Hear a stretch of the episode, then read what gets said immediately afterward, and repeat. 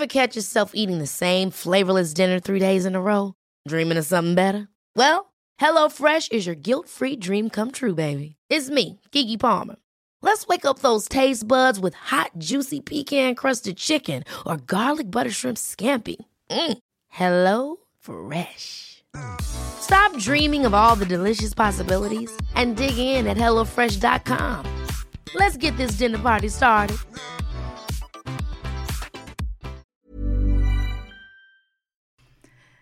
Välkommen till ett nytt avsnitt av Obalans med mig Julia och Jackie Maceter.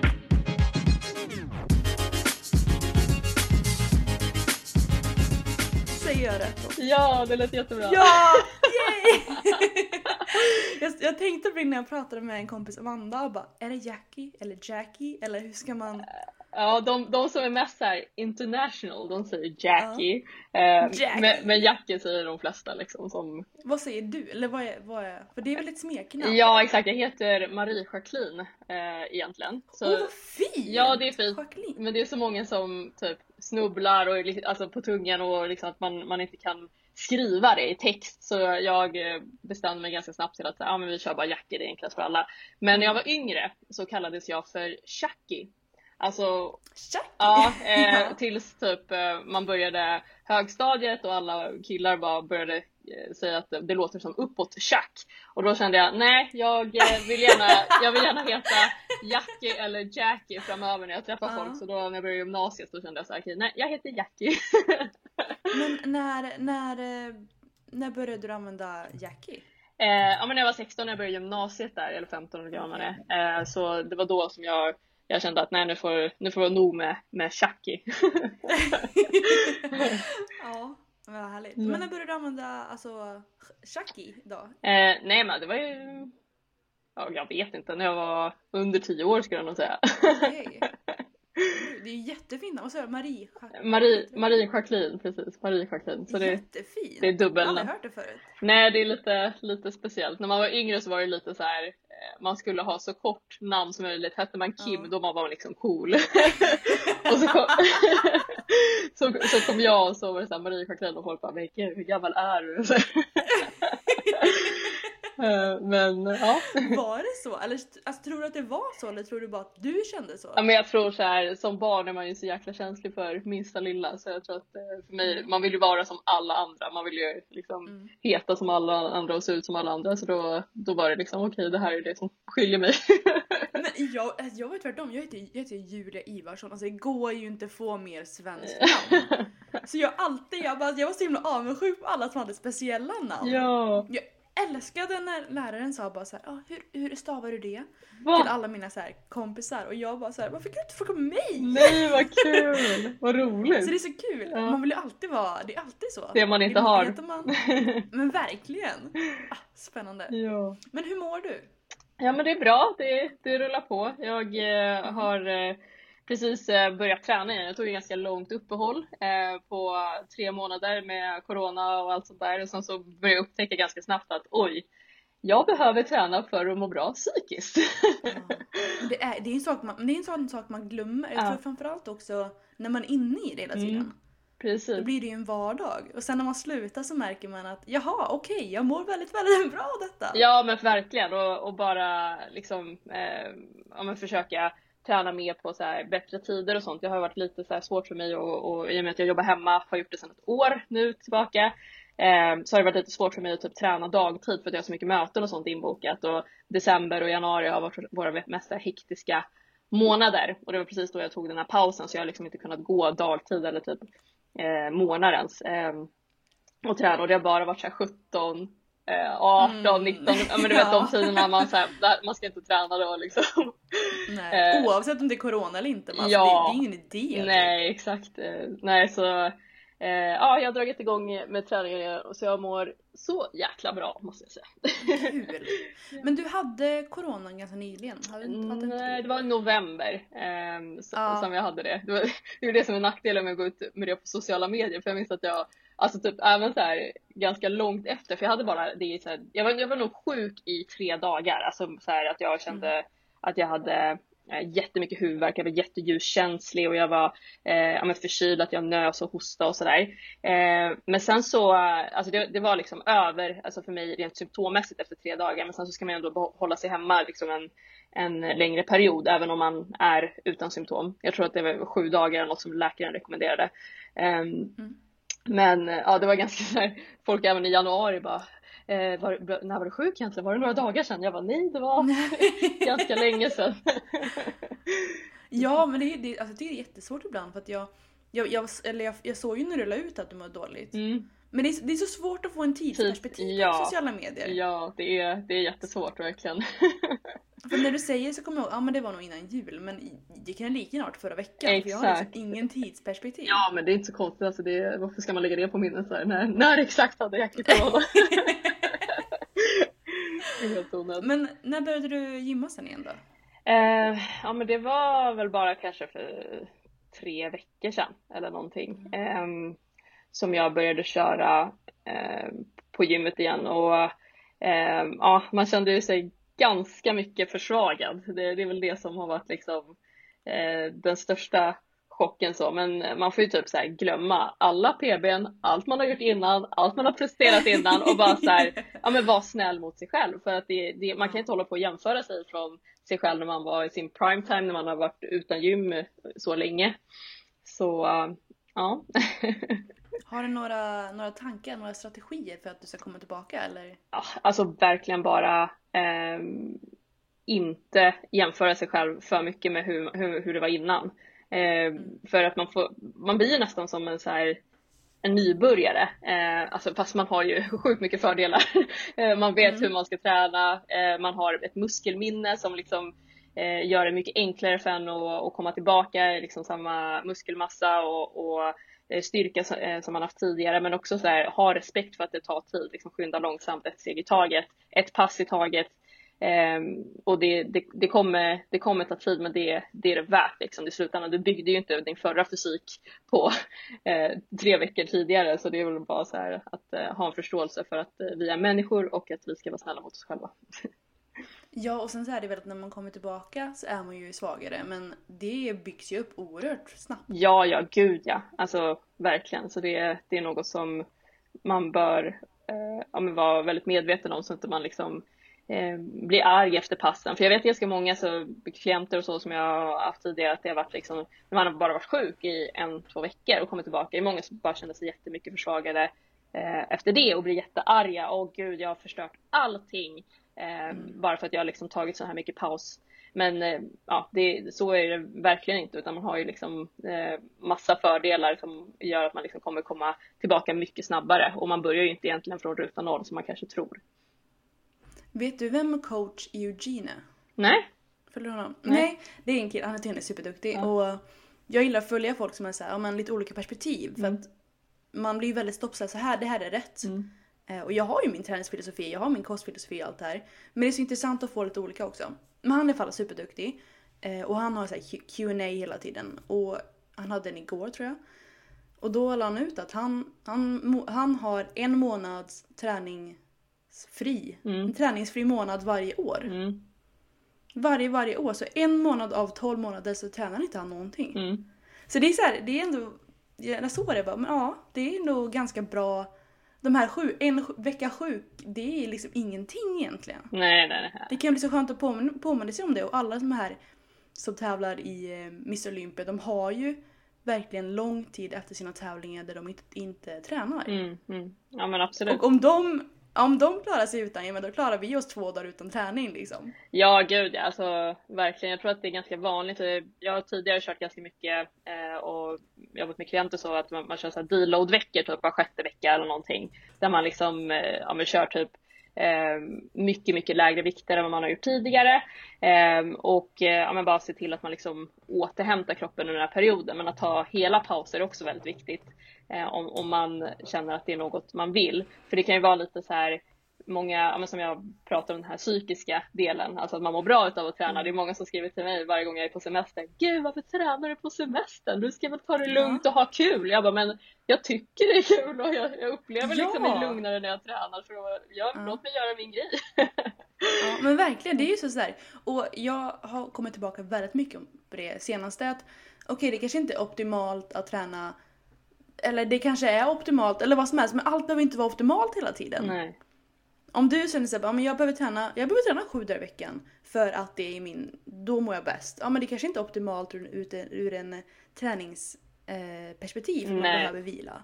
Men om det är så du mår bra så absolut. Eller om du vill träna en dag i veckan och det, det är inte heller optimalt. Ja precis, ja men, men verkligen. Allt, allt behöver inte vara optimalt hela tiden. Nej, alltså tänker jag också så här med hur, hur vad är egentligen viktigast för dig? Alltså mm. handlar det om att bygga så mycket muskler som möjligt? Eller tränar du liksom för att må bra och vara frisk och mm. Eh, liksom ur det perspektivet, så länge man har liksom, det är väldigt tydligt för sig själv varför jag tränar, varför man liksom gör det man gör varje dag, eh, så blir det ju mycket enklare också att ta beslut kring det. Mm, verkligen. Mm. Jag tror man glömmer det väldigt ofta. Eh, för det kan jag känna en, en press också när man är en PT eller när man har en, när man kör online-coachning då tror ju alla att man ska vara rippad och man ska vara som största. Och det är så här, många av de som är PTs eller som är online-coacher mm. i plural, ja. de, de tävlar ju inte. Nej. Och deras mål är inte att bli så stora som möjligt mm. eller bli så rippade som möjligt. Mm. Ja, men... Och jag tror vi har, vi blandar nog ihop väldigt mycket hälsan och fitness för det är ju helt olika saker. Ja, ja, gud ja. Det känns som, det är ett ämne som eh, är väldigt återkommande men eh, det är verkligen något som eh, man bör lyfta fram hela, hela tiden. Just att eh, utseende, alltså bara för att man har en väldigt hård form och eh, mm. har jättesynliga magrutor och eh, ser verkligen ut som en eh, grekisk gud så betyder det inte att man är liksom den hälsosammaste människan på mm. jorden utan det brukar nästan oftast vara helt tvärtom. Verkligen.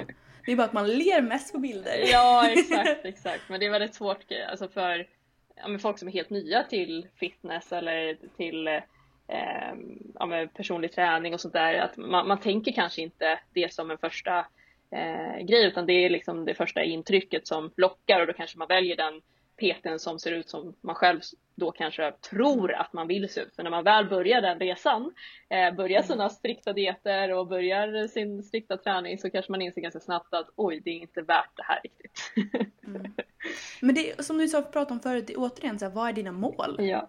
Och vad är du, rädd att, vad är du beredd att eh, offra? Eller om man ska säga, vad, vad är du beredd att Ja men offra. Jag ser jag såna här kaninöron men det ser inte ni. Men... jag ser. du ser. Ja. Vad är man beredd att göra det för att nå sina mål? Om man vill bli bäst, då får man ju göra allt som krävs. Men de flesta vill ju inte bli bäst. Precis och sen de flesta vill ju väldigt mycket samtidigt också. Oh. Jag ska vara bäst på att vinna eh, fitnesstävlingar, jag ska vara bäst på mitt jobb, jag ska vara bäst i min skola, jag ska vara bäst eh, förälder och syskon och du vet alltså man, man kan inte hålla på sådär. Det, det, man tror ju det, man tror att man är super superkraft, super, vad säger man, supermänniska. Men alltså det går ju inte. Nej, nej verkligen. Det är viktigt att eh, göra sig påmind om. ja. Men eh, hur kom du in i träningen? Eh, träning? Ja, jag har väl alltid eh, rört på mig. Eh, jag, eh, jag är uppväxt i ett område som heter Hagalund som ligger eh, norr om Stockholm ehm, och eh, där är lite så här, alltså jag, på den tiden jag växte upp där så var det lite så problemklassat område. Ehm, eh, där ja, det var lite allt möjligt som hände eh, ute på gatan. Och eh, min mamma ville verkligen inte att jag skulle hamna i problem så hon satte mig på en aktivitet varenda dag. Så alltså, jag gick till skolan och sen efter skolan så hade jag så karate tre gånger i veckan, jag hade dans tre gånger i veckan, hade basket. Alltså på riktigt. Jag, så du inte hade tid jag hade, att göra problem? Jag hade inte tid att skapa kaos. Ja, det var helt sjukt. Smart. Ja, det var väldigt, ja. eh, väldigt smart eh, på det sättet. Men på den tiden så jag så fattade ingenting. Jag bara, jag vill bara hänga, hänga med mina kompisar. Eh, men hon bara, nej du ska gå och göra det här och det här. Eh, men eh, ja, på det, på det sättet har jag liksom då skapat ett väldigt stort intresse för jag också lärde känna väldigt mycket folk eh, genom det eh, och, och vad ska man säga, kom ut ifrån den här lilla bubblan eh, som man lätt hamnar i eh, när man eh, växer upp i sådana områden.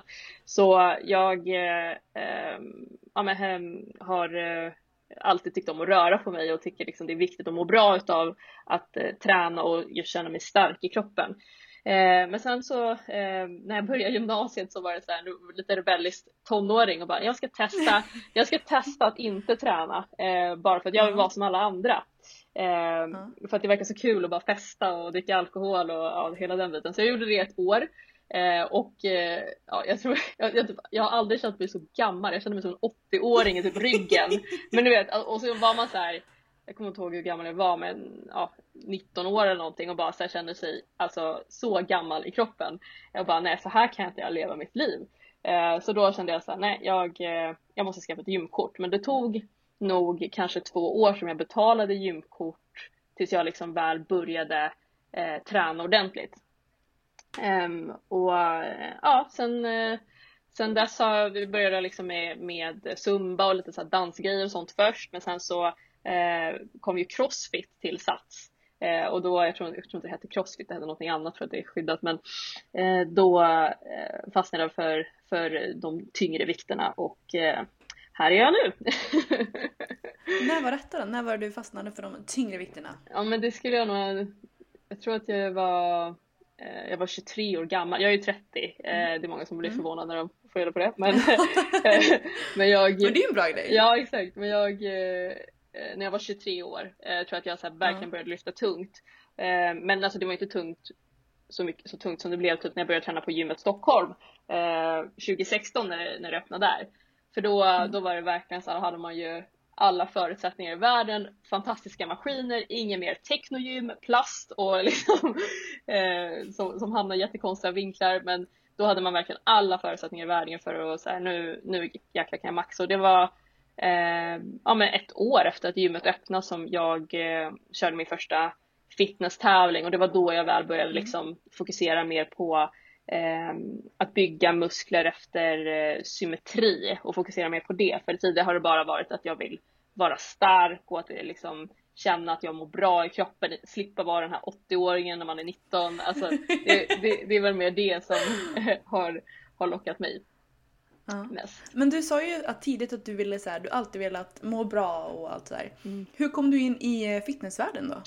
Eh, ja men det var faktiskt ett ex eh, som jag var tillsammans med då eh, mellan 2013, alltså från att jag var 23 till jag var 26 eh, ungefär tror jag det var. Eh, och då han tävlade i, eh, mm, okay. i classic bodybuilding så då var det liksom att jag följde med på lite tävlingar och då minns jag hur jag såg eh, jag tror första tävlingen jag var på så såg jag Biff Bettan, du känner ju Biff? Oh, ja! ja. Jag var, alltså det var, det var först, wow! Ja, jag vet! Och det var junior-SM, jag kommer inte ihåg vilket år oh. det här var men typ kanske 2014 och så bara, hon var ju typ den enda som körde i sin klass men så ser jag hur hon du vet, kommer upp på scenen och bara så jävla snygg! Alltså hon var helt sjuk. Jag så här, sket i att kolla på mitt ex, jag var oh my god, vem är den där bruden typ? Ja, men jag vet inte hur många gånger jag har tagit upp henne på Instagram och bara alltså kolla hennes fysik. Ja hon är alltså, helt sjuk alltså. Från en annan planet. Men, men då, då minns jag att jag varit så här helt jävla så här, Alltså wow det här måste jag testa för att det ser, det ser så jävla snyggt ut. Um, och uh, ja, men så, så började jag satsa lite mer på eh, bodybuilding träning för jag var ju en sån person som gick lika mycket på spinning som jag gick på typ uh, alltså som jag lyfte vikter för att jag tyckte det var kul och, och bli svettig och trött i kroppen så. Mm. Eh, men eh, ja, då, då satsade jag mer bara på liksom äta och bygga.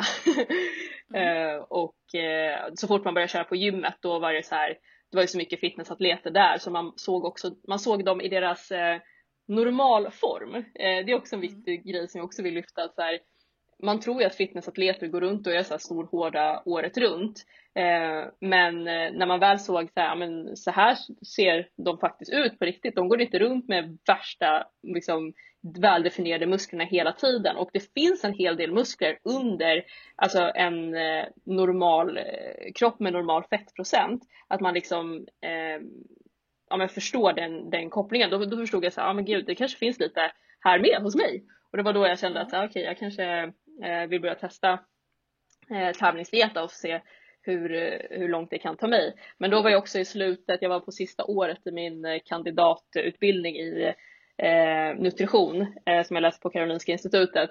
Och eh, då, så, jag, så jag var ju väldigt så här, införstådd i exakt vad jag gör mot min kropp. Um, och hade då en coach som inte hade en kandidatutbildning i näringslära men, men hon, hon var väldigt så här, um, ja, men, alltså det var, det var inte så en hemsk diet men den var väldigt enformig om man säger så. Um, och uh, ja, det finns ju en hel del saker man kan, man kan göra bättre. mm. Ja, för att det, det känns som att man i den här världen gärna vill att man ska det ska vara så jobbigt som möjligt. Ja, gud ja. Precis. Det ska det... vara så enformigt som möjligt, det ska vara jobbigt som möjligt. Du ska gärna så här, förutom all skit man gör så ska man också addera trappan och ska man, alltså man ska så gråta och så här, hustle och man ska så här, du vet, ja. det ska vara så jobbigt hela tiden men det behöver inte vara oh, ja. hundra så jobbigt. Och jag minns det just från att jag var tillsammans med mitt ex hur, hur jag såg honom, du vet, alltså äta liksom torsk utan salt inte dricka vatten.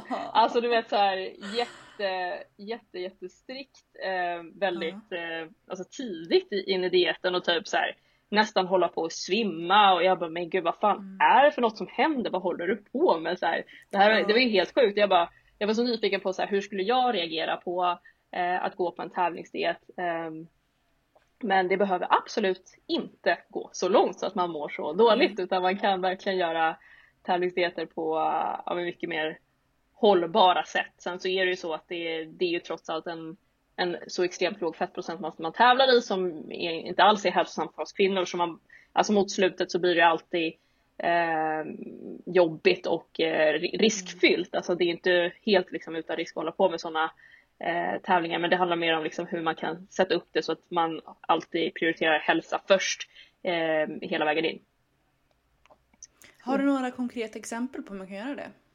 Mm, ja, eh, det första är att eh, inte gå ut för hårt i början, alltså att eh, tänka på mm. alla växlar, alltså att eh, alltid ha fler växlar att ge och sen alltså lär er näringslära. Det är väldigt många som så här, ja men typ ta bort salt och ta bort, eh, mm. alltså visst det kan man liksom hålla på med sista veckan Ehm, men inte allt. Det, vi behöver salt. Alltså, man... Ja, var tror du att den rädslan kommer ifrån? För den, det är ju väldigt, väldigt vanligt. Alltså, jag har ju haft klienter som alltså, efteråt de bara Jaha, jag åt inte salt på åtta veckor. Ja, jag bara, men varför gjorde du inte det för? Nej, det är, det är alltså för att det binder vätska i kroppen men liksom det är fortfarande så här jätteviktigt för att eh, signaler, muskelsignaler och sånt mm. i kroppen ska fungera, nervsignaler och allt. Alltså det, man kan inte hålla på det är väl, alltså då förstår man inte riktigt vad man, vad man gör. Eh, vilket är väldigt tråkigt. Alltså visst, du kommer gå ner mycket i vikt fort för att du, du tappar mycket vätska men du vill ju fortfarande tävla i fitness där du ska se muskulär ut på scenen och då behöver du liksom ha lite salt eh, i, i, i, systemet. Men eh, vatten är också en så typisk grej att man liksom eh, tar bort för mycket. Eh, att man liksom, man, börjar bli så här mer restriktiv. Och laktos är också en jättevanlig grej. Visst om man är så här laktoskänslig men att man liksom gör det så här 20 veckor innan man ska tävla. Mm. Ja. ja, och det, problemet blir ju att man, tar man bort laktosen så blir man ju laktoskänslig. Ja, ja, ja, gud ja. Verkligen. Så det, det... För kroppen är ju, kroppen, alltså är man van vid att äta laktos då är det inga problem. Men om man börjar ta bort så många grejer då blir kroppen är ju inte van med de livs, livsmedlen. Ja, ja exakt. Längre. Ja. Och sen en annan sak som, som man ser ganska ofta är ju typ eh, cheat days. Att man så här, eh, går lite, ja, men, det är bara så här ät vad du vill så mycket som möjligt en hel dag. Och det man glömmer bort när man går på en diet är att så här, hunger och mättnadshormoner och sånt nedregleras. Och när du väl eh, kanske har gått fem, tio veckor, det är väldigt olika från person till person hur, hur snabbt liksom detta sker. Men eh, då, och, och sen säger din coach ja men du kan gå eh, till McDonalds och äta hur mycket du vill. Det, det finns på riktigt inget stopp. Och sen så Nej. blir det ganska mycket liksom uppförsbacke som man får jobba därifrån. Men något som jag tycker inte används tillräckligt inom fitnessvärlden är eh, en eh, metod som kallas för refeeds. Som mm. jag har kört väldigt mycket under mina dieter. Och eh, alltså egentligen så det, det, det är ett liknande koncept men mer eh, strukturerat. Kontrollerat. Exakt, ja. precis. Så, eh, har du testat det själv? Eh, mm. ja, ja men det är super. Men mer, jag kan ju mer om teorin om det än vad... För jag har liksom inte, jag har dietat ner det några gånger men det har varit så... Jag har inte tävlingsintresse så jag har inte behövt använda det på samma sätt. Mm.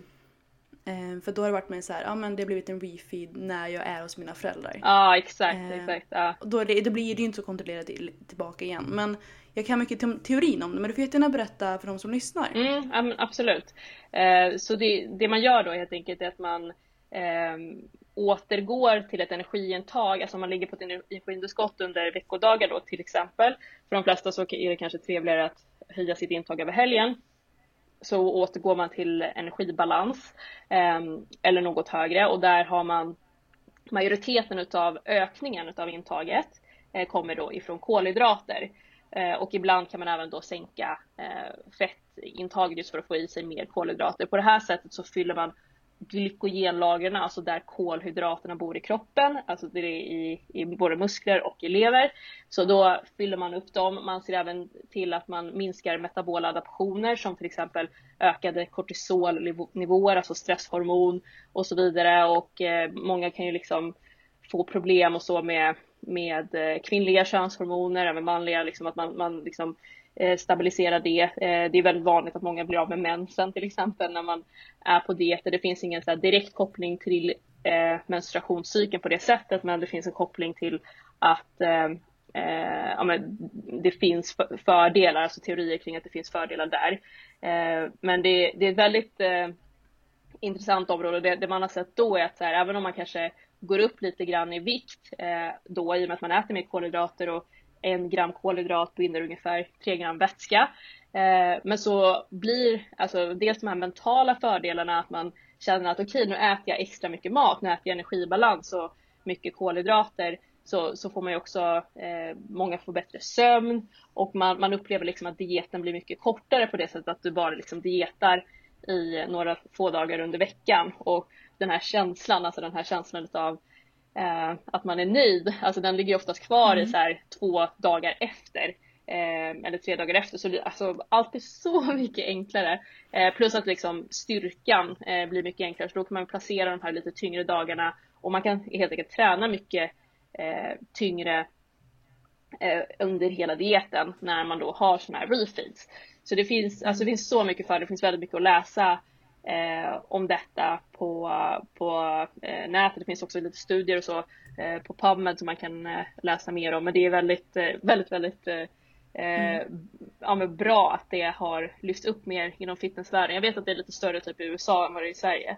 Men, men det känns som det är något som förhoppningsvis kommer att bli lite större framöver. För just när man pratar om cheat days så är det mer så här, ja men väldigt okontrollerat. Det kan lätt bli extrema mängder fett. Eh, det är ofta som man kanske inte tränar alls, man inte liksom utnyttjar den här eh, möjligheten när kroppen har så fyllda mm. glykogenlager till att här, passa på att träna. Eh, och kolhydrater som vet är liksom kroppens snabbaste energikälla så det finns så mycket så fördelar med att försöka maxa ur så mycket som möjligt utav den här refeed-dagen istället för att bara se det som en dag där man bara ska äta så mycket som möjligt. Mm, nu förstår jag vad jag menar. Ja, men jag kan ju se också att oftast brukar cheat day, det blir så mycket känslor i det. Att man, så här, man trycker i mat och man, man passar på. Och det, då, då, det blir som du säger, det blir motsatt effekt. Att man äter så brutalt mycket mat bara för att man får och man måste passa på. Och man får ju inte... Och då blir det ju så här, man vill ju försöka hålla det så hälsosamt som möjligt. Mm. Och då kan man, om man börjar hetsäta så försvinner ju också den hälsoaspekten av det. Verkligen. Och sen så fitness är ju liksom som vi diskuterade tidigare inte ingen hälsosam sport. Eh, den är inte ens lite hälsosam, den är bara ohälsosam. eh, inte ens lite? Nej, nej men alltså det, eh, det, det beror på det såklart vad man pratar om. Liksom. Är det någon som kommer från en bakgrund där man bara äter pizza och hamburgare hela dagarna så kanske det är lite mer mm. hälsosamt. Eh, men ehm, Ja precis, så, så det, det, just det här med begreppet cheat day är också lite problematiskt, eller väldigt problematiskt just för att man liksom kopplar ihop det med något fel. Eh, man kopplar ihop det med något som eh, man fuskar, alltså känslor utav misslyckande, att man inte har liksom hållit sig till mm. planen och att man gör något, eh, ja men helt enkelt som inte eh, är rätt. Och därför är också det ett begrepp som jag försöker eh, var ganska tydlig med att så här, det, här, det här ska man försöka använda så lite som möjligt. Eh, just för att det, det, har, eh, det är kopplat till känslor. Eh, det är kopplat mm. till känslor av misslyckande. Det är något som vi inte vill ha med mat att göra för det i sin tur kan skapa liksom Ehm, ätstörningsproblematik och sånt hos, hos människor som kanske är ja, men lite mer känsliga eh, för det. Och det handlar inte om så att en själv alltid, utan det kanske är människor som hör det. Om, man, om människor ser dig äta kanske en glass som i själva verket inte är liksom ett problem överhuvudtaget och, och man kallar det för så här, ja du fuskar, nu äter jag en glass. Då blir det liksom så här, aha, att man liksom kopplar det till bra och dålig mat och eh, det i sin tur är ett eh, annat ämne men också väldigt intressant. men någonting, en, en annan syn på detta är ändå, jag håller med att det är väldigt stor problematik med själva namnet, med mm. ordet. Men när jag började, när jag kom från en slags dålig relation till mat som kan, jag vet inte, jag är alltid så här, jag vet inte om man kallar det ätstörning eller inte, men jag hade dålig relation till mat. Mm. Så jag började med kostschema och så hade jag cheat day varje lördag eller fri dag. Och det gjorde att jag vågade prova de här måltiderna. Mm. Jag vågade äta delicatobollar som jag inte gjort på länge. Jag vågade eh, prova sånt för att det var liksom okej okay den dagen. Mm. Och så det, det finns ju ändå bra, bra grejer med det också men kanske man inte ska använda det, alltså cheat day, cheat Precis. Är, ordet är ju väldigt, väldigt dåligt. Men, exakt, skulle man kalla det för refeed då till exempel? Ja. Så vad händer i, i, i hjärnan då rent psykiskt? Så här, att du, du kanske kopplar det mer till så här, men nu, nu äter jag eh, ja, men lite mer energitätt idag eh, och det, mm. det har ingen liksom värde i sig. Du har inte fuskat utan du har bara ätit någonting som är lite mer eh, kanske näringsfattigt och lite mer energitätt men det gör ingenting mm. i det stora hela. Men hur, hur, eh, vad är dina planer just nu då? Tänker du tävla igen? Uh, ja, eh, bra fråga och det är en fråga som jag ställer mig själv eh, ganska, ganska ofta också. Uh, men det är någonting som jag, jag har tänkt jättemycket under 2020. Alltså 2020 har varit mm. självreflektionens år ja. för mig. Uh, jag var ju mitt under en tävlingsdiet när ja, men jag, jag hade börjat min diet i december och sen så var det väl i mars som det verkligen så här Eh, i Sverige blev eh, ett större problem som vi liksom tog åtgärder kring. Ehm, och jag tror att det var i slutet på mars, jag hade varit på en Sälenresa minns jag med min sambos föräldrar och de hade lagat så god mat, alltså de är så jägare och de är så duktiga på att laga mat och jag hade ätit mina matlådor och verkligen eh, om jag hållit mig till eh, den planen som jag hade när jag var där. eh, för att det ändå bara var typ så här sex veckor eller åtta veckor ut från tävling och sen så fort vi kom hem då från den Sälenresan så fick vi höra att eh, det var inställt.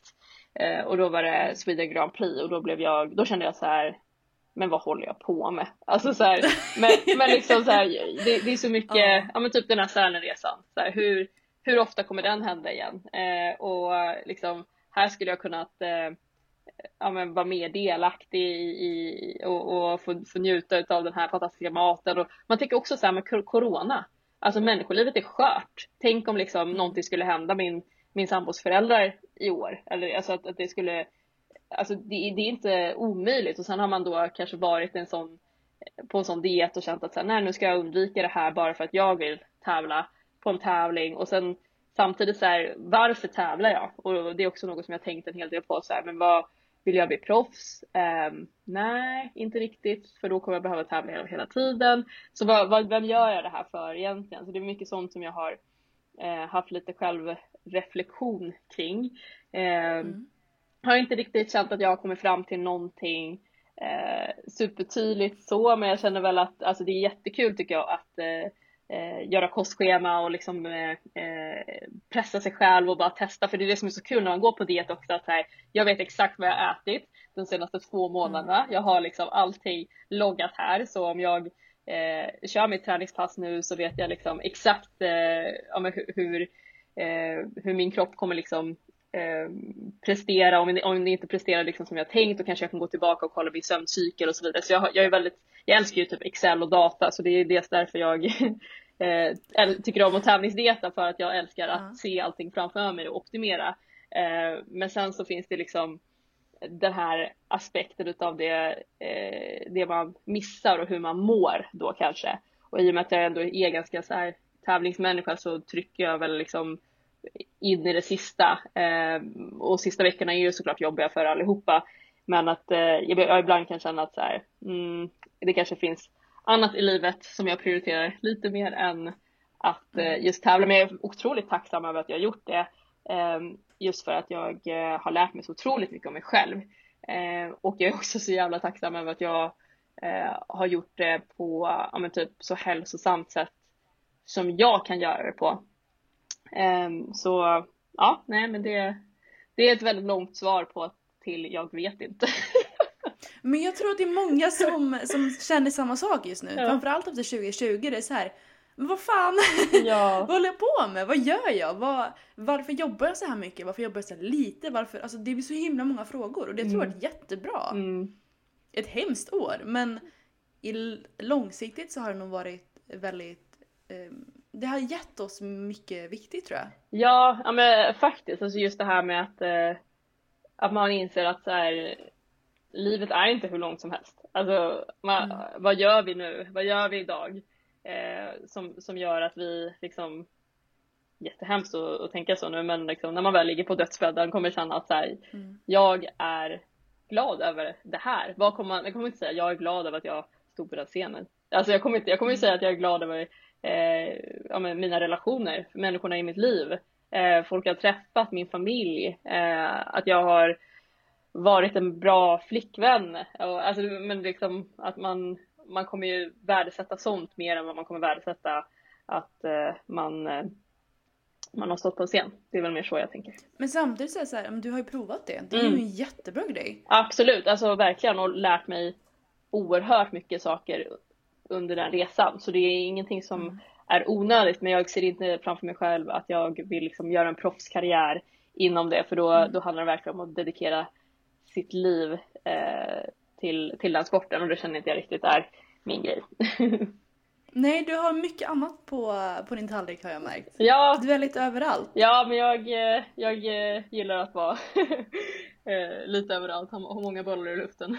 Men kul! Du ja. jobbar ju på Lifesum. Mm, och du, har, du håller i kostföreläsningar eh, för PT Distans, är det så? Ja, exakt, precis. Utbildar jag eh, kostrådgivare och personlig tränare. Mm, kul! Och sen har du och Caroline eh, ibland webinars på Livesam. Ja precis, eh, exakt. Så det, det är typ ett så här sidoprojekt som eh, jag ja. håller där. Exakt. Har varit jätteuppskattat väl? Ja, ja men absolut och där pratar vi väldigt mycket om så här, om en hälsosam relation till kost. För det är något så här, när man, mm. när man läser nutrition och, och näringslära och och eh, det, det, blir liksom väldigt mycket fokus på siffror. Ja. Det blir väldigt mycket så här, eh, jag ska, eh, alltså det här är det bästa för dig och det är det du ska göra men kanske inte så mycket fokus på så här det psykiska. Vad händer hos dig när jag säger till dig att du ska äta si så mycket kolhydrater, protein, fett per dag. Eh, hur, hur hanterar du det? Hur funkar det i längden? Hur får man det att funka i längden? Eh, den frågan är ganska stor och just då inser man liksom att det är väldigt individuellt och hur gör man så att det funkar rent liksom långsiktigt och målsättning och sådär där också. Så att det inte bara till exempel handlar om vikten utan det handlar om andra, andra mål i livet. Så det är, det är mycket sånt som vi har pratat om och det är ett ämne som jag bara känner alltså, växer och växer jättemycket. Ja. Mm. Men det är ju jättekul för det känns som att det har Jämför man nu med bara kanske fem år sedan, alltså herregud vilken stor skillnad det har blivit i hur vi ser på kost och träning. Ja, ja, ja. Det är mycket mer så här, ja men man behöver inte vara så himla, eller så här, det är fortfarande så att folk vill gå ner i vikt hela tiden. Mm. Men det är inte samma, vi ska vara pinsmala utan det är mer så här, ja men vi ska vara normala och vi ska vara eh, starka och det, det är så himla kul att se. Ja men det är väldigt uppfriskande och det känns som att det är extremt efterlängtat för om man bara går tillbaka liksom i eh, ideal, kvinnoideal eh, så, så ändras det ju hela tiden också om man tänker på så här Marilyn Monroe, då såg det ut på ett visst mm. sätt och sen så liksom Barbie och sen så, ja nu, nu känns det som att vi vid en ny eh, era, vilket jag tycker är extremt uppfriskande och eh, hälsosamt framförallt. Alltså att mm. tänka eh, att prioritera liksom välmående och, och styrka då, eh, att det liksom eh, är en del utav det, men också att folk är individer. Alltså bara för att man kanske för vissa har ju också svårt att gå upp i vikt så om man är liksom väldigt smal så blir man kanske inte så här shamead för det utan man kanske eh, ja, men även får ett utrymme till att uppskatta eh, sin kropp i hur man ser ut då. Så det, det är väldigt, mm. eh, väldigt intressant skifte. Mm. Men du och eh, KP har ju, gör ju mycket ihop, mm. eller med Livesam. Mm. Hon är ju dietist och du är nutritionist. Ja, alltså. precis. Vad, vad är skillnaderna i uh, utbildningarna? Eh, ja men de, de är väldigt lika faktiskt. Alltså om man kollar på eh, liksom, vad man läser så är det väl mer liksom riktat mot sjukdom eh, för dietister. I och med att de oftast jobbar på sjukhus med eh, sjuka människor så de har även då en legitimation som man behöver ha när man jobbar mm. liksom, eh, på sjukhus. Så, så de, de är mer eh, liksom experter inom eh, sjukvård eh, när det kommer till kost och hälsa. Och sen nutritionister jobbar mer liksom på företag och, och jobbar mer med liksom eh, ja, med, mer, mer liksom forskningsbaserat, mer evidensbaserat. Det är väldigt, väldigt mycket kemi i den utbildningen så man, man sitter ju på labbet liksom halva eh, halva utbildningen känns som så sitter man bara och laborerar. Så, vilket jag tycker är jättekul och saknar väldigt mycket. Men mm. eh, ja, så, det, så det, det är lite olika eh, på, på det sättet. Men liksom i det stora hela så eh, är det liksom näringsläran som genomsyrar båda utbildningarna. Men vad kul, men vad, för att, alltså, när du valde, varför valde du nutritionist och inte dietist då? För det känns som att dietist är det valet man lutar sig mot först för det, man vet vad dietist är liksom. Ja, eh, nej men jag eh, eh har varit ett jättestort fan av Anki Sundin eh, väldigt länge och hon är mm. också utbildad eh, näringsfysiolog eh, och eh, har gått liksom samma utbildning, Paulun också Fredrik Paulun som du kanske har koll på müsli och allt det där. Mm. mm. så det var liksom två eh, förebilder för mig som jag kände att så här, wow, de, de är verkligen så här djupgående. Eh, för det är just främst det som jag känner att jag, jag alltid, för, för mig så här, om, om du säger så här, kolhydrater är dåligt, då är jag så här, varför? jo, för att, för att eh, det gör det här och det här i kroppen. Varför?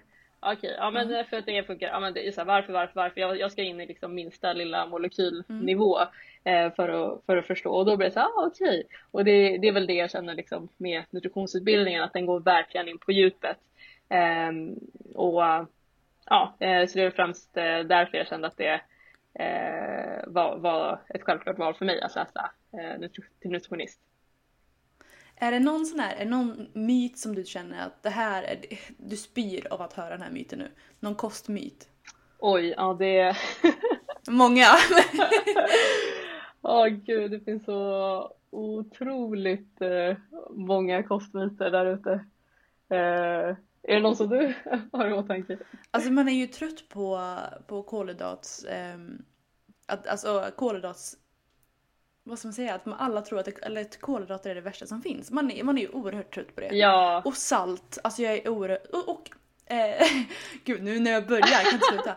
Men sötningsmedel, ja. det är nog min, min, den jag är störst ja. har störst problematik med. För det är fortfarande kvar. Ja exakt, alltså det, det är ju lite så här alla de här kostmyterna kommer ju inte från ingenstans men det är bara någon som har förvrängt sanningen något extremt mm. mycket på vägen ut. Eh, så det har verkligen blivit eh, katastrof. Så, just eh, mm. det här med kolhydrater till exempel är väldigt eh, ehm, där pratar man till exempel om att det höjer insulin i kroppen och att insulin skulle vara liksom det farligaste som finns men det man man eh, glömmer bort att eh, insulin har faktiskt en väldigt viktig funktion i kroppen också på det sättet att det liksom hjälper eh, våra celler att ta upp kolhydraterna också. Ehm, mm. Och det handlar mer kanske om man är, är känslig för insulin eller inte. Och ja, men pratar man till exempel om om sötningsmedel där också så kan man inte alls gruppera dem på det sättet som man gör att ja, sötningsmedel är dåligt utan det finns väldigt många olika sötningsmedel och aspartam där är ju väldigt intressant och omdiskuterat och där finns ju det här typiska eh, där under, under 70-talet tror jag det var som eh, antalet cancer eh, hjärntumörer ökade i USA samtidigt som eh, aspartam började användas eh, och kom. Och då har man liksom inte kunnat skilja på korrelation och kausalitet. Alltså vad har egentligen, har de något med varandra att göra eller är de helt liksom olika händelser som bara råkade ske samtidigt? Och eh, journalister har då i medier framfört det och framstå som att så här, det här beror på det här och det har liksom exploderat överallt. Och eh, ja, det, det finns ju alla möjliga eh, sådana påståenden kring aspartam så att det är till och med just nu idag på eh, ja men typ läskburkar, att man väljer att använda exempelvis sukralos eller andra sötningsmedel just för att man vill inte använda aspartam för att folk har så dåligt eh, ja men fördomar kring aspartam. Även fast aspartam har funnits mycket längre, det är mycket mer studerat eh, och till exempel ja, med sukralos skulle, finns det eventuellt att liksom inte kan brytas ner utav miljön. Eh, att det finns den konsekvensen då, men ändå så väljer man att, eh, eh att inte använda aspartam som ändå så här bryts ner till eh, tre stycken ämnen som eh, även då finns i kött, eh, det finns i ägg, det finns i Eh, typ ett glas tomatjuice innehåller mycket mer metanol än aspartam innehåller. Så det, det, finns ju mycket sånt som man, man glömmer bort. Eh, liksom, vad är det egentligen vi håller på och bråkar om och eh, vad är viktigast i det stora hela? Så nej, det finns eh, väldigt mycket intressant att diskutera. Jag visste faktiskt inte att eh, det var där, därifrån myten kom. För jag har alltid trott att varför folk är rädda för sötningsmedel är för att man kan liksom inte förstå att det, att det inte är några kalorier i det och ändå smaka sött. Att det är liksom så här, nej men någonting måste vara fel, så här bra kan det inte vara. Att ja. Jag tror att där rädslan kommer ifrån för att folk inte kunde förstå hur det funkade ja. och då blev man rädd för det. För så brukar det vara mycket. Alltså, ja. Folk är rädda för 5G nu bara för att det är nytt liksom. Ja, just det. Ja, gud. Också intressant att... ja, kanske inte helt vår exper expertområde men... Nej.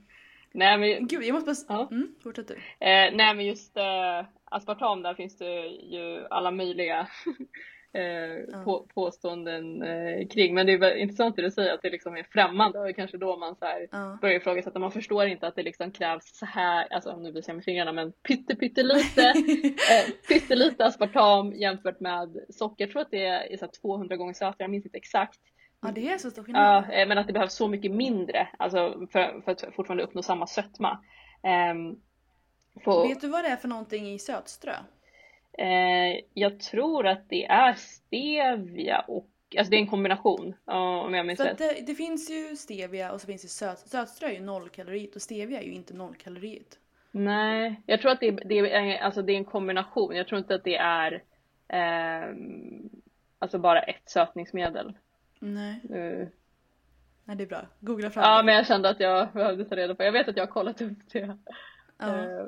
För det är ju så. sötare än socker men det är fortfarande så att om man byter ut socker mot sötströ så behöver man inte ha 200 gånger mindre utan det är ju ändå relativt nära. Eh, ja, det står stev stevioglykosider i sötströ som är utvunna ur växten stevia eh, och har använts som sötningsmedel i flera hundra år i Sydamerika. Men jag undrar om det är sant för jag tror att det finns sötströ som är ja, mer kalorier. Ja, ja. Det står, Icats sötströ är ju utan. Precis, det är en kombination utav erytriol och eh, stevioglykosider. Så det är en kombination. Det, och det var 0,25% stevioglykosider så det är väldigt lite. Men okay. majoriteten är erytriol. Det är lite kul och då har de verkligen marknadsfört det som att så här, eller det står att det innehåller stevioglykosider för att folk inte är lika rädda för stevia. Men folk vet, ja ah, men okej, okay, de är smarta ja, de här jäklarna. exakt, för det är 0,25 procent. Det är lite roligt. men jag vill bara säga det, jag berättade i en annan podd, eh, något annat poddavsnitt så de som lyssnar har kanske hört detta. Men jag tackade nej till ett glas vin eh, av en i familjen. Inte av min familj, familj men i släkten. Mm. Um, och så sa jag, men jag tar en Cola Zero. Och han kollade på mig och bara, men det är ju, det där är ju cancer. Eller något sånt där. Han sa typ såhär, men det där. Alltså han var verkligen, han, han fattade inte hur jag kunde tacka nej. Han först frågade om jag var, om jag var en, eh, vet du det nu? Icke alkoholdrickande. Okej. Okay. Nykterist? N ja. Nykterist! jag var nutritionist, ja. nykterist. Nästan. Och så, ja men nästan. Och sen bara så här, kunde han inte förstå, han, han anklagade mig för att dricka en Cola Zero. Jag bara men snälla, alkohol eller Cola Zero, det, det, där måste väl ändå de flesta förstå att, oj, att Cola Zero är lite bättre än, än ett glas vin. Verkligen, och där kan man ju bara, alltså alkohol är ju faktiskt ett gift som, ja. som vi stoppar i oss i kroppen. Och det är ändå så här, folk får ju ändå dricka hur mycket som helst, det är inte det. Ja. det men det är bara så här. okej okay, men Cola Zero är bättre än Cola. Ja. Kanske. Men vatten är ju bättre än Cola Zero. Man får ju ändå så här, vad, vad väljer man bort? Vad är det man dricker istället? Precis. Nej men det är väldigt eh, intressant och väldigt tråkigt. Alltså jag tycker det är så synd för tänk liksom hur många som skulle gynnas utav att bara byta ut ja, men kanske en sockersötad cola eh, mot en, en, en lightläsk. Eh, eller vin för den delen. Alltså hur många som skulle nyttjas utav det och ha så, så mm. mycket liksom, bättre hälsa bara utav ett, ett sånt enkelt byte och det är oftast de som brukar vara rädda för eh, sötningsmedel för att man liksom inte har satt sig in i det och förstår vad egentligen man pratar om utan liksom läser Aftonbladet och får det därifrån tyvärr. Någonting också, jag, jag tycker du säger så, pratar så, eller säger så mycket intressanta saker så jag har tio frågor, sen glömmer jag dem och tio nya frågor och sen så glömmer jag dem. Ja. Men jag kom på att, men jag pratar om kolhydratsrädslan. Mm. Det, är ju, det är ju en irritation att den finns men jag är ändå glad att jag hellre att man är rädd för kolhydrater än att man är rädd för fett. Mm. För det var ju jag. Jag var ju jätterädd för fett när jag hade, när jag, mod, när jag hade den sämsta relationen till maten. Mm. Och det gjorde, gav mig jättedåliga bieffekter. Mm. För att fett, alltså att inte äta fett för en tjej är mm. brutalt mycket farligare än att inte äta kolhydrater. Absolut, alltså den är fett är ju jätteviktigt för, för vår hormonella hälsa. Um, mm. Och eh, vi som kvinnor har ju liksom, vi, vi ska bära ett barn och, och vi har liksom mm. eh, våra, våra könshormoner. Vi ska även, även liksom hålla en högre fettprocent än män. Och en hälsosam liksom, kvinnlig fettprocent är ju mycket högre. Eh, och att sikta efter liksom, en låg fettprocent och det är oftast då menstruationen försvinner. Och som jag, vi sa tidigare, tävla i fitness in, inte alls liksom hälsosam på det sättet. Eh, men att, att man eh, in, tänker kanske, alltså, då, då, gör ju din kropp dig redo, eller den säger till dig att du inte är eh, liksom lämplig för att skaffa barn. Och mm. det är ett jättestort eh, tecken på att något är fel med hälsan eh, och något man verkligen bör ta på fullaste allvar. Visst, det kanske är skönt att inte ha mens, men vad är det din kropp säger till dig? Den säger att du är mm. inte duglig för att bära ett barn. Att liksom, ja, det, vilket, ja, vi, vi, måste verkligen ta, ta det på allvar. Och just fett har ju väldigt stor eh, är, är liksom eh, ja, fett som, som är viktigt för våra fettlösliga ämnen och så i kroppen där liksom hormoner är fett, eh, behöver fett för att kunna fungera bra. Eh, och där är det också viktigt med liksom bra fettkvalitet. Något som också är en myt som jag gärna näm mm. nämner här ändå när vi ändå är inne på det, men eh, kokosfett till exempel något som ah, man ah, ja. eh, lyfter till skyarna, något, något extremt som att det är, liksom, är väldigt naturligt och något ja. som vi verkligen bör eh, ja men folk tar ju skedar med kokosfett har man sett. Ja, alltså det, det, det, det är verkligen så här, och man använder det till allt. Alltså ja. all, ja, det är ju allt. Det ska vara bra till hud, till tår, till ja. lilltå, till grannens tå. Ja. Det ska vara bra till... Alltså!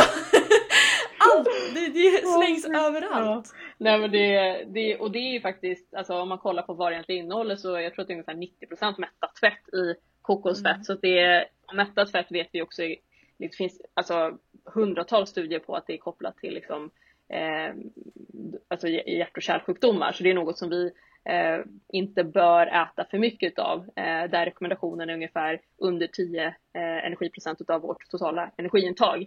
Eh, och har man då en hel liksom, sked som man bara stoppar i munnen och tänker åh nu är jag så hälsosam och jag får i mig massa fett så är det, blir det liksom lite fel. Så typ olivolja, avokado, nötter, det finns jättemånga liksom, ja, lax eh, hälsosamma fettkällor som vi, vi kan få i oss fett. Och det är också en annan sak som jag gud, ändå är inne på näringslära, då kan inte jag hålla käften.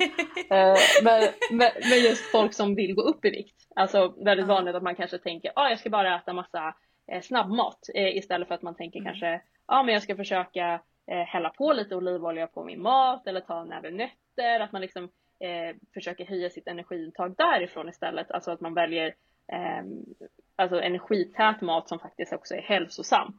Eh, att man inte glömmer bort det för eh, alltså man, man, vill inte liksom få en sämre hälsa bara för att man går upp i vikt utan det, det, man kan göra det på ett hälsosamt sätt också.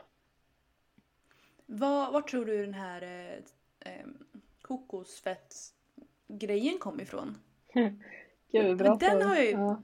Det var verkligen så här, det är ju alltså jag, nu pratar om detta återigen, någonting som jag är också har hittat en irritation för det är ju att folk tror att man är så fruktansvärt hälsosamma när man äter eh, raw-grejer. man gör allting med kokosolja och man gör allting med dadlar och man gör allting som har olja i, eller kokosolja i sig blir per definition nyttigt. Jag förstår inte vart det kommer ifrån. Men det, jag tror att det är att det är liksom växtbaserat.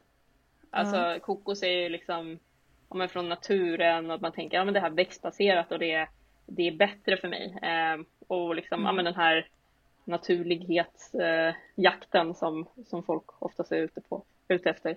Ek ekologiska också, en ekologisk eh, markerade, ja. Precis, precis. Men det, det är väldigt eh, eh, bra fråga, men det känns som att det har varit stort eh, ett tag nu. Men ja, sen så kanske man, om man tänker så här, men vad, vad har du i dina raw balls när du, när du väljer att göra raw balls? Du kanske har liksom bra nötter och så vidare, så det kanske är att man så här, man väljer eh, om man jämför det med en chokladboll, även om det kanske innehåller jättemycket mer mm. kalorier så kanske det är mer näringsrikt, alltså innehåller mer eh, vitaminer och mineraler och så vidare och kanske mer mättande. Så ja, det, det beror på liksom hur, hur, man ser på det, men man ska absolut inte tänka att så här, nu kommer jag gå ner i vikt för att jag äter hälsokost och då så äter man massa rabels och dricker apelsinjuice och spirulina drycker och allt möjligt sånt där mm. och tänka att ja, men nu, nu, nu kommer man eh, typ gå ner i vikt för det är också väldigt vanligt eh, att man, man gör sådana eh, utbyten utan att förstå liksom vad det egentligen som gör att det går ner i vikt och då är det oftast ja, eller alltid, alltid, alltid, alltid energiunderskott. Så det handlar om mm. kalorier in, kalorier ut. För det jag vill argumentera för det är ju att alltså om man har, som du pratade om förut, om man sätter sig in i näringsläran så förstår man kan, att det är kalorier in och kalorier ut och att vi behöver ha protein och fett och kolhydrater. Och då vill jag ju argumentera för att jag vill se att min majoritet av min, min näring och min mat och min, min energi kommer från min lunch och min kvällsmat och min frukost. Alltså en riktig mat. Mm. Sen som efterrätt om jag vill ha det eller fika då kan jag, då kan jag äta något annat och då vill, väljer jag ju hellre en delicatoboll än, eller en, än en eh, rawboll. Ja. Ja. För alltså, visst, det är ju mer näring i en, i en daddelboll än en chokladboll ja. men det är ju inte därifrån min näring ska komma. Nej, exakt. Alltså det, det är väl liksom Det är också väldigt vanligt att man eh, man kanske inte prioriterar sina huvudmåltider, alltså lunch, middag, frukost, att man liksom eh, tänker energisnålt, energisnålt, energisnålt och sen blir man så här ja, men vrålhungrig när man kommer hem och tar, tar det första bästa och mm. bara ja men jag försöker vara lite nykter och tar väl en sån här raw och så blir det, mm, blir det fem stycken och, och ja. Eh, nej men så det är väldigt eh, vanligt att man, alltså, man felprioriterar där. Eh, alltså ta hellre liksom mer potatis och uh, liksom mer uh, ris, kanske blanda ihop det med råris och få lite mineraler och, och sådär. Så, ja, ordentliga grova grönsaker och äta färgglatt. För det är oftast där liksom det, det, the magic happens. Mm. The magic happens. Ja. In the kitchen. Exakt. Ja, men det, man vill ju ändå på något sätt så vill jag, det finns irritationer med alla de här grejerna. Men samtidigt vill man ju heller inte ta bort det här att folk försöker ju faktiskt att göra sitt liv bättre. De kanske har väl problem att de äter extremt mycket chokladbollar så de vill göra en daddelboll istället. Och då ska man inte ta bort det heller. Nej precis, alltså, all, alla steg är ju, alltså man ska aldrig shamea någon alltså, eh, på det sättet utan alltså, varenda försök, alla steg är liksom viktiga. Vi behöver inte mm. så här peka ut eh, folk på det sättet som att de, de gör någonting fel och de har misslyckats med allting utan eh, man lär sig hela tiden. Alltså det första jag gjorde, jag minns eh, ja, men det året som jag inte tränade och bara drack alkohol som jag berättade för dig. Då, det gick, mm. jag, jag gick ju upp en hel del i vikt då och då minns jag att eh, mm. jag stod faktiskt på en biavåg på flygplatsen och var, jag hade varit i Spanien i, i Malaga så stod jag där och på flygplatsen och vägde mig bara ah, jag ska väga mig lite kul. Och så den här vågen var en sån här biavåg som mäter alltså fettprocent men den mäter ju bara mm. i i benen, det är så elektroniska signaler som skickas och el går den snabbaste vägen så den går liksom från fot, en fot till den andra foten. Jättekonstigt för jag mätte, jag var ju med skor också men skitsamma. Okej den här, den här vågen. jag tänker då skor, kläder, jag allt vet, på Jag vet, men den här vågen skriker åt mig mitt på flygplatsen och typ ekar. Ja. Eller det känns, ja, jag tror att det är kanske jag som överdriver. men, men det kändes som att den skrek åt mig hur, hur den var så här obese! Alltså jag, jag, och jag hade typ, jag kommer inte ihåg vad jag hade för BMI men jag fick ut något så här kvitto och det kanske var så här 27 eller någonting vilket eh, mellan 25 och eh, 30 eh, så, så räknas man liksom som överviktig och då, då minns jag att jag bara oj jävlar jag behöver liksom ta tag i, i hur jag lever mitt liv. Eh, så då minns jag liksom eh, när jag kom hem där då, då var det det här med gymkort och det där. Men jag minns att jag också gick på en pulverdiet det första jag gjorde.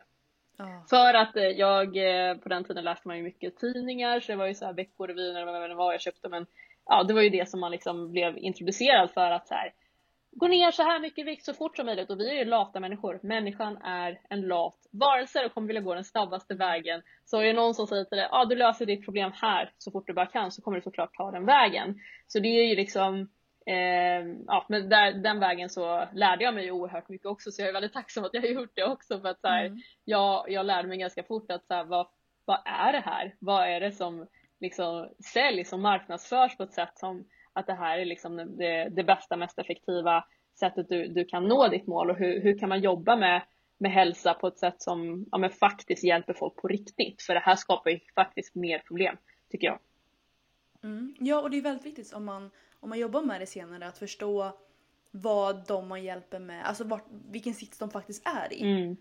För att de, de är ju i en sits att de, de behöver gå ner i vikt och de tänker börja med pulverdiet. Så då kan det ju finnas där, men hur, du vet ju hur det känns att vara i den situationen. Ja. Hur kan man hantera det? Exakt. För det finns ju så här, alltså i teorin är det ju hur enkelt som helst egentligen att gå ner i vikt. Det är ju kalori, alltså kalorier in versus kalorier ut. Mm. Ät så här mycket gram av det här, så här mycket gram av det här och så här mycket av det här så kommer du gå ner i vikt. Mm. Men i praktiken så är det ju inte så att alla kommer bara för att jag säger åt dig att om man äter så här mycket, det är inte så att du kommer göra det. Nej, nej precis. Och det är det som är det svåra. Och typ så här, folk vet hur man går ner i vikt. Mm. Alltså de flesta vet hur man går ner i vikt. Mm. Men det är fortfarande så går vi bara upp i vikt. Mm. Det är någonting som är fel däremellan. Det är någonting som gör att vi, trots att vi har kunskapen, att vi vet att okej okay, men kanske potatis och kyckling är bättre än McDonalds. Mm. Trots att vi har den kunskapen, de flesta vet ju det. Mm. Så går vi ändå till McDonalds och äter. Precis, ja, men det, är, det är liksom det är det som är mest lockande här och nu, att inte ja, man är med, gör medvetna val. Eh, det är så extremt lättillgängligt. Vi idag kan köpa en chokladkaka inom två minuter från där vi sitter just nu om vi vill, om vi känner för det. Eh, alltså det finns ju så Eh, det är så extremt lätt att få tag på saker snabbt eh, och vi, vi vill ju ha liksom det som ger oss mest energi. Eh, vi, vi vill inte tänka efter utan vi kommer ta det som ger oss mest men, stimuli, alltså i i glädje och, och, och så när det kommer till mat, alltså snabb belöning. Så det är, det är ett väldigt intressant ämne och det är därför du och jag är väldigt viktiga i, i den här mm. kommande mm. världen vi rör oss mot. Mm. Men jag, alltså det är så här, jag pratar mycket, för de som lyssnar också nu, jag pratar mycket med mina klienter om miljön. Mm. Um, för att när man är motiverad första veckan, första två veckorna, då är det skitbra att gå ner i vikt och man kan bli hälsosammare och allt detta. Passa på då att ta bort allt, ta bort kakorna från första hyllan och lägg dem längst upp mm. eller vad som helst. Köp hem Pepsi Max och liknande sånt. Så att när du väl får den här dippen då är det så här, ah, vad är första framför dig? Mm. Ja men då är det kanske ett äpple. Mm. Istället för eh, en Marabou 500 gram chokladkaka. Exakt. Och då, väljer, då är det mycket enklare att välja det. Jag kan gå och småäta på salladsblad ibland. Nej. Inte för att det är speciellt gott men jag vill typ, ibland vill man bara småäta. Och då har jag en sallad, det låter jätteätstört nu, förlåt det är inte alls. men, men då är det så här, då, då, när jag öppnar kylen, det första som är där är antingen tomater eller äpplen eller mm vad som helst, då tar jag det. Mm. Och om det skulle vara en chokladkaka där, då hade jag säkert ätit det också. Mm. Men jag försöker, jag försöker att eh, skapa en miljö så att jag kan äta ordentligt med lunch och frukost och middag och äta ordentligt med mat. Mm. Och däremellan kanske Alltså jag kan inte säga att jag äter på sallad, det låter ju jätteätstört. Men jag försöker att undvika att småäta emellan. För att jag vill hellre äta stora måltider när jag väl äter. Ja, ja men verkligen. Det är, um det är, det är väldigt viktigt att, att lära sig det, alltså ja, skapa rutin eh, mm. kring det och uh, vi, vi alla har liksom olika saker, eh, olika ja, tricks för att kunna få, få, det att funka. Om det är sätt som funkar för dig så är det jättebra liksom. ja, för att ibland, alltså oftast behöver jag inte göra det, men man vet ju alla att för att när man, är, när man är sover dåligt, som jag gör för att jag, jobb, jag börjar fyra, eller jag börjar jobbet fem på morgonen. Ja, just det. Ja. Så att jag går upp liksom kvart i fyra, 03.45 brukar jag gå upp. Jäklar. Ja. Så det är lätt för mig att få dålig sömn. Mm. Och när jag har dålig sömn, när de flesta har dålig sömn, då, då blir man mer hungrig. Mm. Kroppen behöver oftast inte mer energi, men man blir ju mer hungrig. Mm. Absolut. Och det är då jag behöver de här tricksen, för att jag vet att jag kommer börja småäta hur mycket som helst när jag är trött. Mm. Men då försöker jag behålla mina rutiner. Att, ja, men, okay, du kanske äter lite mer på lunch och middag. Men emellan där så, så försöker vi att hålla oss till, till att inte småäta. Mm. Ja men det finns faktiskt alltså, typ studier på typ folk som jobbar skift sådär eller jobbar, jobbar natt att det, det är mycket svårare för dem att eh, ja, äta hälsosamt och, och, och hålla eh, en hälsosam vikt och så vidare. Så det är väldigt eh, viktigt att man, man är medveten och, eh, mm. och har lite sådana tricks som man kan förhålla sig till. Mm. Men jag tror det är så gäller med allt. Mm. Så här, men alkohol, det, du får dricka alkohol om du vill men var medveten om vad det gör med din kropp. Mm. Ät McDonalds, det är inga problem men bara du är medveten om när du väljer dina val. Mm. Det tror jag allt, om man får, om man får en djupare förståelse vid, vid träningen och vid närhetsläran då kan man ju välja, då kan man göra medvetna val utan att gå på den här svältdieten för det behövs inte. Mm. Ja men exakt. ah, Verkligen. Ja, nej, men det finns äh, jättemycket att diskutera kring det. Alltså just att äh, kunskap är nyckeln för att äh, ja, lyckas i, i sådana här situationer. Alltså det, mm. det är så viktigt att man inte bara ser det som att så här, nu ska jag gå, gå från punkt A till punkt B som jag som mm. börjar med den här pulverdieten. utan man måste mm. tänka långsiktigt. Så här, eh, förstå också komplexiteten och det är oftast det, inte det man gör i början men så här, det handlar inte bara om vikt utan det handlar om en livsstilsförändring och att eh, skapa förutsättningar för att lyckas långsiktigt. Eh, och bara för att man väger eller ser ut på ett visst sätt eh, så betyder det inte att du är hälsosam. Det är alltså långt ifrån. Eh, utan man får jobba mycket med liksom, det mentala och andra värderingar och så. Hur vill du egentligen leva ditt liv? Och om, det, om du vill leva ditt liv med, med en pulvershake dagligen så tror inte jag det kommer vara ett jätte, jättekul liv. Så ja, man får liksom se till att eh, eh, hitta verktygen för att kunna lyckas i, i långa loppet. Det känns som att många klienter eller många personer som tar hjälp med av en onlinecoach eller en PT eller vad som helst. Mm. Deras första primära mål är att gå ner i vikt men det, efter ett tag så går de över från att vilja gå ner i vikt till att till att fortsätta vara hälsosam. För de märker att oj, okej, okay, det var mer till rätta än att gå ner i vikt. Utan jag fick ju mer energi av att äta så här. Mm. Jag fick ju mm. mer... Jag kan koncentrera mig längre. Jag, jag får ju mer livskvalitet mm. av att mm. ge kroppen maten den faktiskt vill ha. Mm. Verkligen.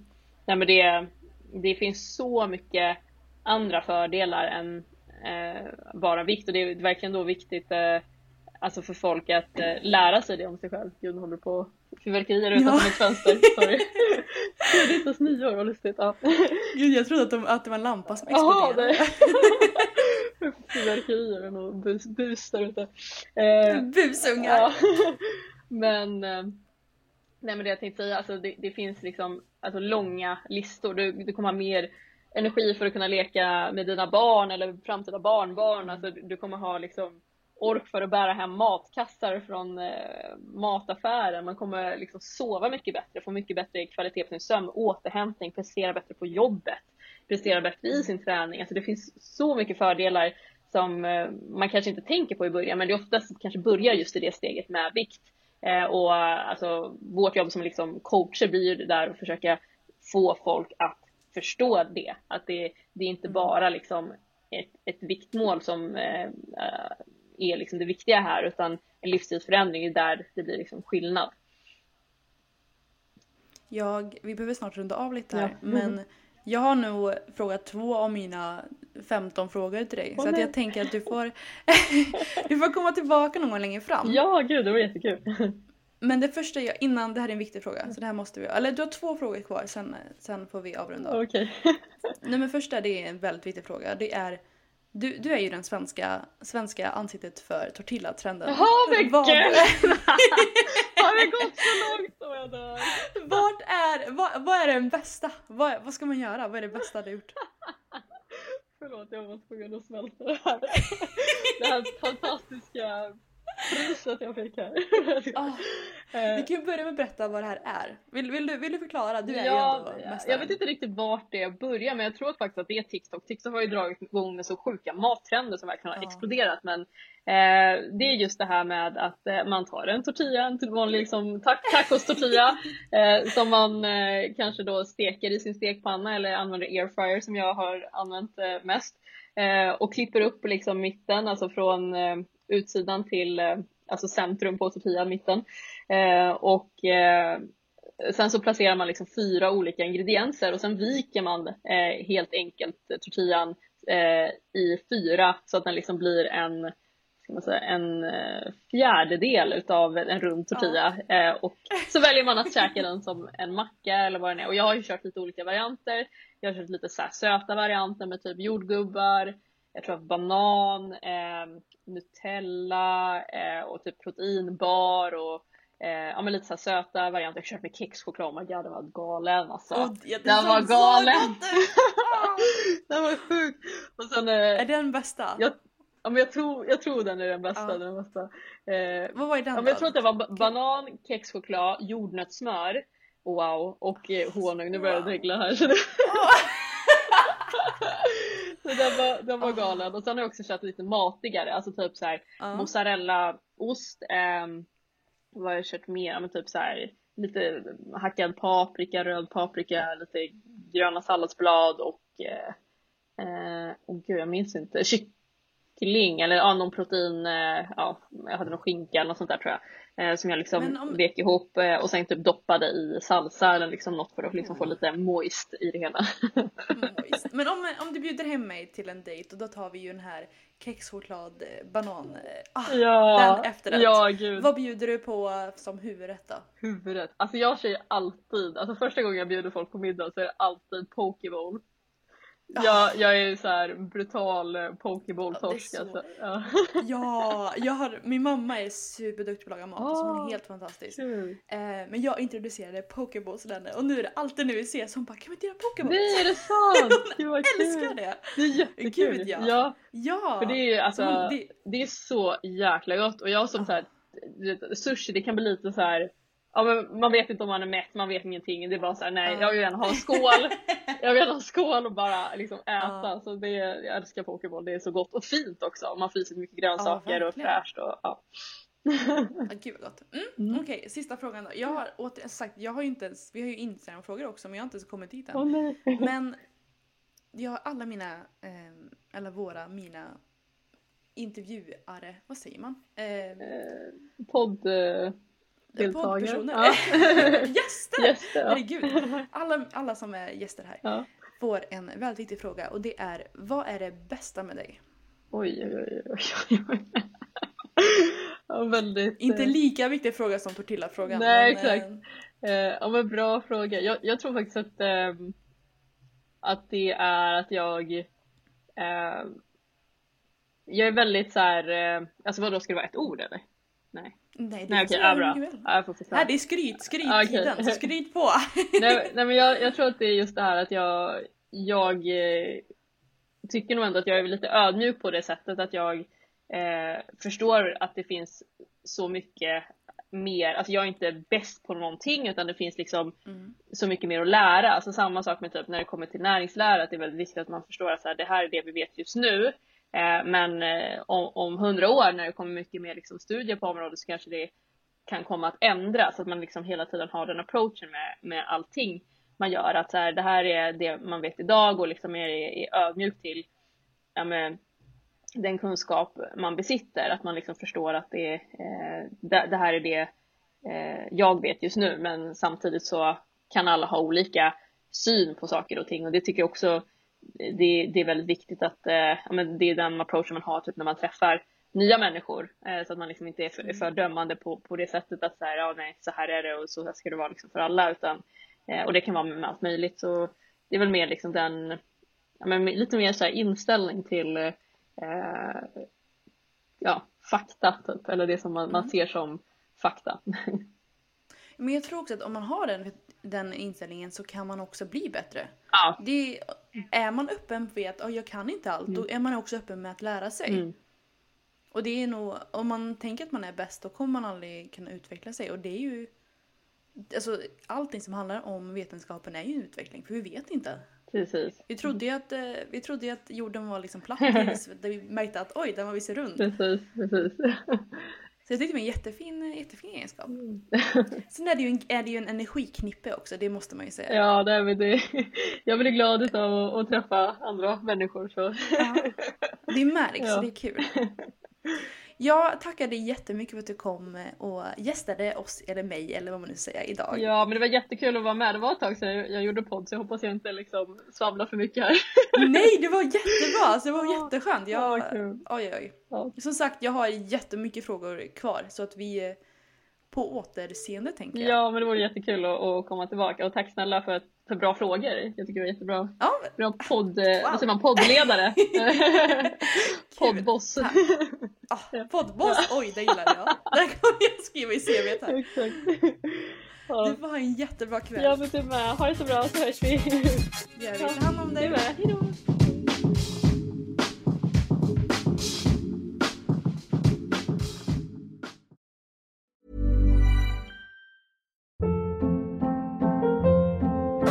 Hold up. What was that? Boring. No flavor. That was as bad as those leftovers you ate all week. Kiki Palmer here, and it's time to say hello to something fresh and guilt-free. Hello Fresh. Jazz up dinner with pecan-crusted chicken or garlic butter shrimp scampi. Now that's music to my mouth. Hello Fresh. Let's get this dinner party started. Discover all the delicious possibilities at hellofresh.com.